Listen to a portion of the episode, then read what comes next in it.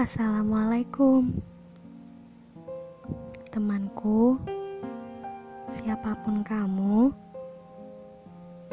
pesanku cuma satu: jika kamu mengetahui sesuatu yang buruk tentangku dari orang lain, jangan beritahu aku ya siapa dia. Biarkan saja karena aku tidak mau bertemu dengan siapa pun yang menyimpan kebencian atas diriku di hatinya. Ceritakan saja kebaikannya, tutupi keburukannya, sebab kita pun mungkin banyak keburukan yang Allah tutupi dari orang lain. Sebarkan kebaikan orang lain, namun jangan pernah kau ungkit-ungkit kebaikanmu sendiri.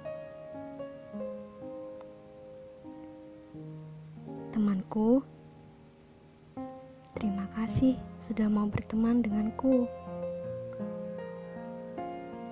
Semoga sampai surga. Wassalamualaikum.